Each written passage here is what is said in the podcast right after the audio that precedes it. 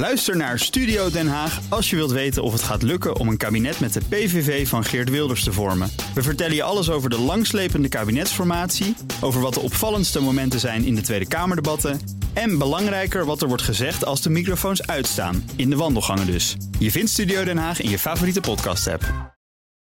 De column van Bernard Hammelburg.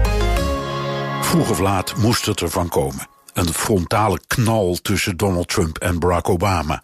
Trump, die zichzelf ziet als de keizer van de strijd tegen corona. Obama, die Trump neerzet als de keizer die geen kleren aan heeft. Je zou bijna denken dat het over corona ging, maar het gaat over de verkiezingen. Amerika telt 90.000 coronadoden, een derde van het totale aantal slachtoffers wereldwijd. Donald Trump is maar met één ding bezig: bewijzen dat het de schuld is van anderen. Hij breidt zijn repertoire elke week uit. Het coronadrama in Amerika lag achtereenvolgens, maar ook nog steeds aan China, de Democraten, Italië, de Democraten, de gehele Europese Unie, de Democraten, de Wereldgezondheidsorganisatie, de Democraten, Barack Obama, de Democraten en nu de nieuwste schuldige, het CDC, het Amerikaanse RIVM en, oh ja, de Democraten. Terwijl hij tienduizenden levens had kunnen redden door de heel vroege waarschuwingen van deskundigen niet onder hoongelach weg te wuiven. De cijfers zijn om meer dan één reden griezelig. 62% van de Amerikanen en 49% van de doden is blank. 13% van de bevolking en 27% van de overledenen is zwart.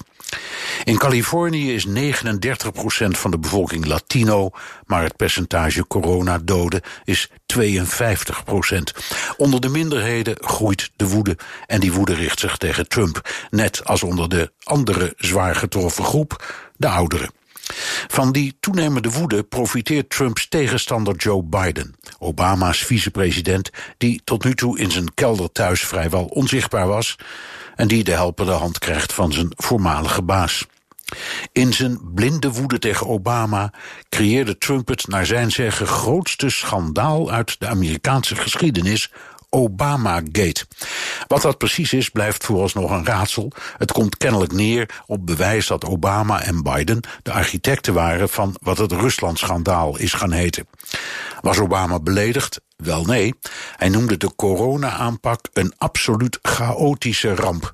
En tot afstuderende studenten. Je zou denken dat de mensen die het voor het zeggen hebben, weten wat ze doen. Een hoop doen niet eens alsof ze het voor het zeggen hebben. Team Trump dus. Over één ding zijn Trump en Obama het eens. Dit gaat allemaal over Biden. Sleepy Joe noemt Trump hem, of Beijing Biden. Biden is te netjes of te sloom om zijn tegenstander Dumbo Donald of Tweedy Trump te noemen of zo. De Democraten gokken erop dat Trump met corona zijn eigen graf graaft. Maar met of zonder kleren onderschat die keizer niet. Columnist Bernard Hammelburg. Terugluisteren? Ga naar bnr.nl of de BNR-app. Ook Bas van Werven vind je in de BNR-app. Ja, je kunt live naar mij en Iwan luisteren tijdens de ochtendspits. Je krijgt een melding van Breaking News. En niet alleen onze podcast Ochtendnieuws, maar alle BNR-podcasts vind je in de app. Download nu de gratis BNR-app en blijf scherp.